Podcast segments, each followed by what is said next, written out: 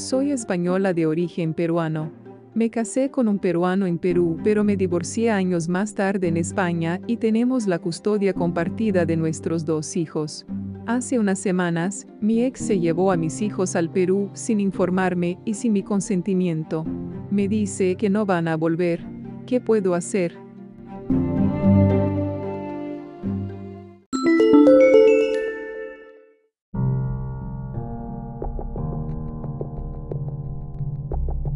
Para iniciar el procedimiento de restitución debe presentar una solicitud ante el Ministerio de Justicia, dado que el Perú firmó el Convenio de la Haya sobre los aspectos civiles de la sustracción internacional de menores.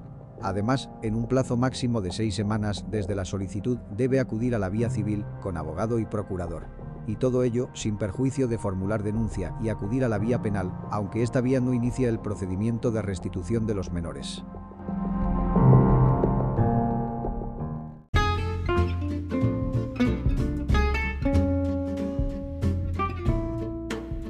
Si quieres más información, llama o envía un WhatsApp a Torres Advocats 667 321 222. Gracias.